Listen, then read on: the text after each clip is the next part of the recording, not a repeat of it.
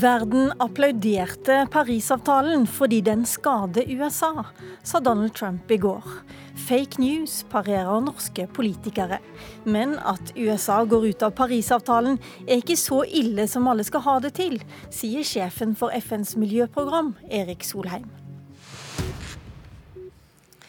I går vendte USA og Donald Trump ryggen til det internasjonale klimaarbeidet.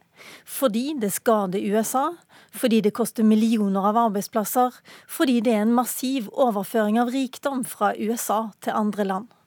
We don't want other leaders and other countries laughing at us anymore, and they won't be. Ja, er det det verden har gjort eh, ledd av USA? Anniken Huitfeldt, du leder utenrikskomiteen i Stortinget. Dette er jo veldig beklagelig, for det var den første internasjonale klimaavtalen med reell deltakelse fra alle land. Det var bare Syria og Nicaragua som ikke var med. Men dette er jo en del av Trump Trumps verdensbilde. Det andre tjener på, det skader USA. Enten det handler om miljø, det handler om sikkerhet, eller det handler om handel. Eh, jeg jo, har jo helt, helt motsatt verdensbilde. At det som amerikanerne tjener på, er et internasjonalt samfunn med lover og regler, enten det er folkerett eller internasjonale klimaavtaler. Knut Arild Hareide, du er Kristelig Folkeparti-leder. USA fratrer sitt lederskap, sa du til meg i går. Hva mener du med det?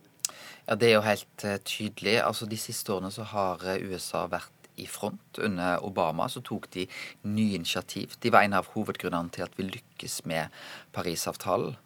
Uh, og nå ser vi altså en helt annen holdning. Eh, og det Trump her sier, er jo òg direkte feil. En av hovedgrunnene til suksessen bak Parisavtalen var jo at vi speilvendte prinsippene, mens vi i mange tiår hadde på en måte prøvd å få til en enighet om hva hvert enkelt land skulle forhandle. Så sa vi i forkant av Paris nå kan landet sjøl spille inn. Hva mener de at de kan bidra med? Og det har jo USA gjort. Så det har på en måte på mange måter vært frivillig. Og så har selvfølgelig forplikta seg i Paris på dette.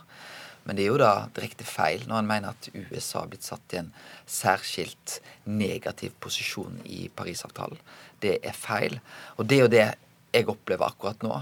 At nå tar altså USA politiske beslutninger ikke basert på direkte fakta og kunnskap om det som har skjedd, men mer på ustabile eh, føringer eh, som det er helt vanskelig å forstå. Vidar Helgesen, du har også snakket om uh, falske nyheter her. Uh, EU-kommisjonens leder Jean-Claude Juncker sa at de har prøvd i enkle ordelag, som han sa, å forklare Trump at det ikke bare er å trekke seg ut av Parisavtalen. Kan du også forklare oss, uh, oss det, gjerne i enkle ordelag? Hvor vanskelig er det egentlig? Nei, Å trekke seg ut kan man gjøre, men det tar noen år. Og det er jo det de nå har satt i gang. Vi håper jo at de skal snu på et tidspunkt. Men Parisavtalen er en ambisjon. Man har et mål om eh, å nå to graders oppvarming og ikke mer, og helst ned mot 1,5. Og så har landene meldt inn sine forpliktelser, sine tiltak for å nå det. Og det betyr at uh, det ikke er sånn at man sitter rundt bordet og forhandler om disse målene. Så en reforhandling er en helt urealistisk uh, mulighet. Så det er ikke sånn at verden har på en måte tvunget USA til å være med på dette? Nei, på ingen måte. Og USA var jo i føringen. USA tok lederskapet. Det ville ikke blitt noen Parisavtale uten Obamas klimalederskap. Og uh, vi ser i dag amerikansk næringsliv de store amerikanske, mange fra de store amerikanske delstatene si at eh, de står ved Paris-forpliktelsene. De vil gjøre sitt. Og mye av energipolitikken i USA ligger heldigvis til delstatene. Texas, som er den største oljestaten, er også den største solstaten. Og det er solenergi som nå vokser så det suser. Så jeg tror at eh, effektene på klimapolitikken vil bli mer beskjedne. Men det er dypt bekymringsfullt at USA vender verden ryggen og også argumentasjonen eh, Trump bruker når han gjør det. Erna Solberg har sagt at hun er svært skuffa. Støre mener klimaarbeidet blir svekka. Obama, Macron og FNs generalsekretær beklager. Det gjør også sjefen for FNs miljøprogram, Erik Solheim. Jeg snakka på ham på Skype fra Nairobi i går kveld. og Da hadde han ikke hørt Donald Trumps tale, men han visste at USA ville trekke seg ut. Og det tok han med større ro enn mange andre. Det er en stor fordel om USA arbeider på basis av Parisavtalen, men det rare er at vi kan til og med tenke oss en situasjon nå hvor USA leverer det de lovet å gjøre i Paris, selv om det ikke er formelt med i avtalen. Og Det skyldes at privat sektor, business i USA, de har jo fullt forstått dette budskapet. Og alle de store, ikoniske selskapene i moderne amerikansk kapitalisme, Apple, Microsoft, Google, Tesla, eh, Walmart, alle sammen har tatt klimabudskapet på alvor. Google og, og Apple blir 100% fornybare enten i år eller neste år. Verdens største bryggeri, de som lager eh, Corona og Budwiser, med verdens berømte ølmerker, eh, de vil bli fornybare i, løpet av de aller nærmeste årene. Så det skjer en hel masse i privat sektor, eh, og det er ikke avhengig av Det hvite hus for at det skal skje. Har de misforstått, da? det var ganske sinna reaksjoner fra Europa? Ingen har misforstått, og alle ønsker amerikansk lederskap på klima. Like mye som vi ønsker amerikansk lederskap på en Eh, åpen verdenshandel, på, på, fred og nedrusting og på andre viktige spørsmål. Vi trenger USA. Eh, men hvis for en periode Det hvite hus ikke ønsker å lede verden på klima, så har vi heldigvis Kina, India, eh, Europa og andre til å gjøre det. Men det har jo blitt sagt tidligere at f.eks. land som India og Brasil omtrent måtte presses av USA til å godta Parisavtalen i første omgang? Ja, og Det var riktig for noen år siden. Eh, jeg fulgte jo debatten i India veldig nøye. Da var det en alminnelig oppfatning i India at man måtte velge mellom å ta klima og miljø på alvor og få til økonomisk utvikling og bekjempe fattigdom. Og Da valgte jo de fleste indere å bekjempe fattigdom. Men debatten er, er, er, nå veldig snudd. Eh, statsminister Modi er jo en global drivkraft for solenergi. Hvorfor er han det? Jo, fordi at da gjør han noe bra for miljøet. Det gjør noe bra for arbeidsplasser og industri i India. Og han bidrar til å elektrifisere landsbygda India, hvor de fleste fortsatt, eller mange i alle fall, fortsatt ikke har strøm. Både Kina og India de driver ikke med klimatiltak for oss i Europa, de driver med det for seg selv. Og de driver med det fordi det også skaper mange arbeidsplasser i grønn, grønn utvikling. USA er den største giveren til FNs miljø- og klimaarbeid. Eh, frykter du for at de pengene trekkes ut?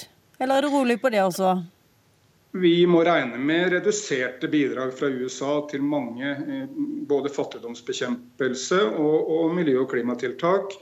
Eh, vi vil selvsagt gjøre hva vi kan for å be Norge, Europa, Kina og andre kompensere så langt det er mulig. Men det er jo ikke til sjuende og sist bidragene til FN som er det aller viktigste i verden. Det aller viktigste er riktig politikk av de store landene, selv om vi også trenger penger til FN.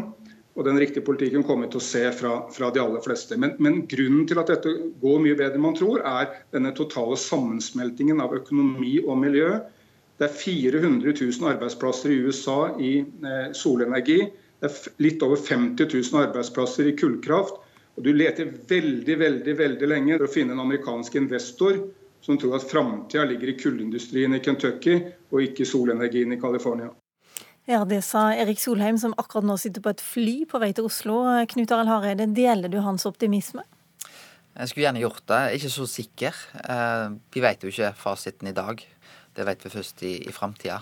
Men min bekymring er jo at når USA viser at ikke de tar lederansvar, ikke er villig til å forplikte seg, så kan jo òg det ha en negativ smitteeffekt til andre land.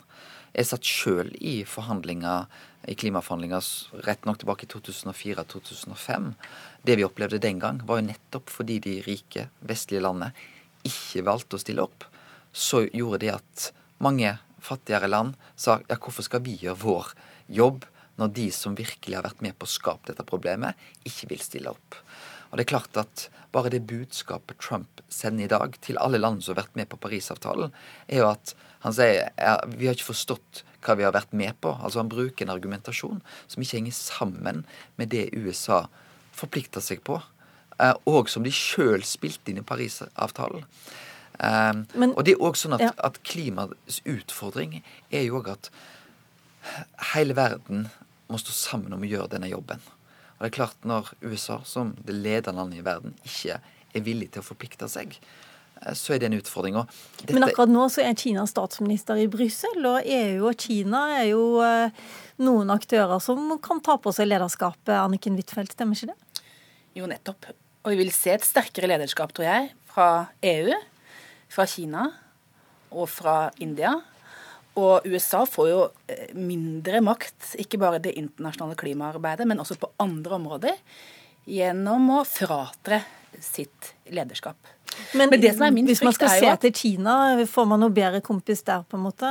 Man har vært eh, seks år i isboksen eh, fordi de ikke likte hvem som fikk nobelprisen. Er det noe lettere å samarbeide med Kina enn med USA? På klimaarbeid, ja. Og de har jo vist eh, en veldig vilje til å gå foran i de teknologiske endringene som trengs. Det som er min frykt, er jo at alle tjener jo på sikt på teknologiske endringer, på nye arbeidsplasser. Men skal vi nå disse avtalene, så må vi også gjøre noen ubehagelige valg.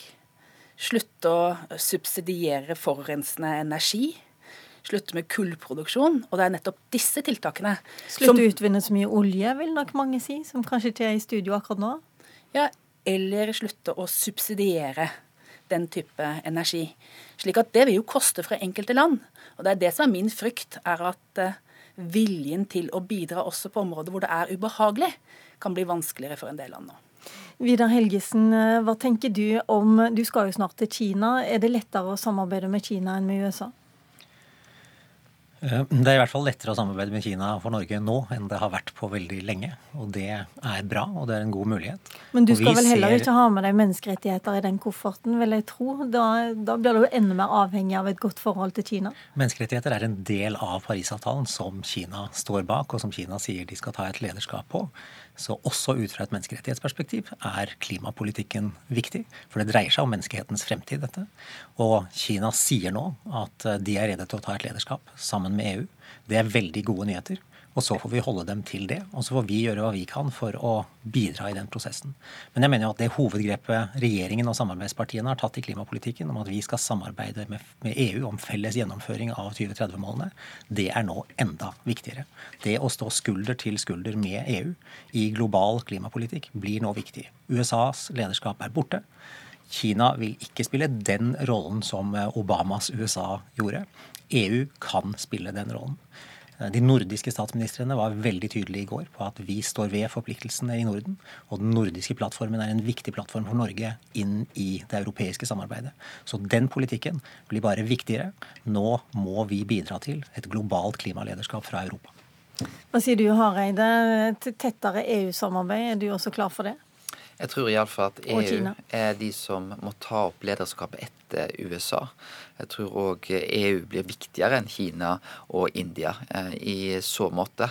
Eh, men det er klart at dette er jo, Nå har vi på en måte fått en debatt både om Paris, vi har fått det rundt Nato.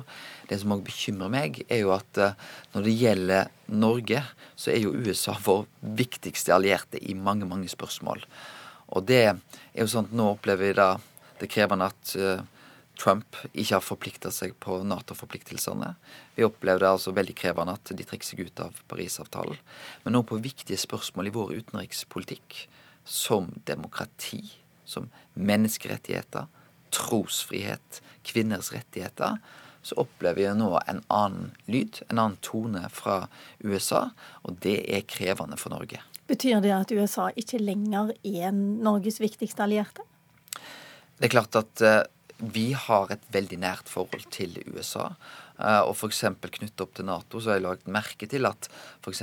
USAs utenriksminister, USAs forsvarsminister Det høres ut for meg som om du er på vei til å snakke deg bort fra spørsmålet. Er, Norge, nei, er USA Norges viktigste allierte? Ja, jeg mener det. Eh, men det er klart at det er mer krevende for oss i dag. Nettopp med president Trump og det han peker på. Men vi må jo se det bildet. F.eks. på Nato-forpliktelsen så har jo USAs utenriksminister har vært veldig tydelig. USAs forsvarsminister har vært det. Senatsmedlemmer, kongressmedlemmer. Selv om ikke president Trump har vært like tydelig. Anniken Huitfeldt, er USA en like viktig alliert? I sikkerhetspolitikken, ja. Og hvis vi ser på det Trump har gjort når det gjelder forpliktelsene i Europa, så har han snarere, snarere styrket dem enn svekket dem. Så på dette området er jeg mindre bekymra. Men det som er grunn til bekymring, er jo lederskapet på dette området, klimaarbeidet men ikke minst også på internasjonale handelsavtaler, hvor amerikanerne i alle år siden annen verdenskrig har vært en pådriver. Nå trekker de seg fra flere og flere av disse avtalene, og det er bekymringsfullt. Vidar Helgesen, kort til slutt. Er USA din viktigste allierte? Det er Norges viktigste allierte, og vil forbli det. Eh, I klimapolitikken er de ikke lenger det, og det beklager vi. Eh, vi må nå satse på sterkere samarbeid med EU, samtidig som vi skal ha en god dialog med amerikanerne. Jeg skal til Washington på tirsdag og snakke med Trumps, Trumps eh, klima- og miljørådgiver bl.a. Og eh, snakke ærlig med dem. Hjertelig takk til hele panelet. Lilla Sølhusvik var programleder.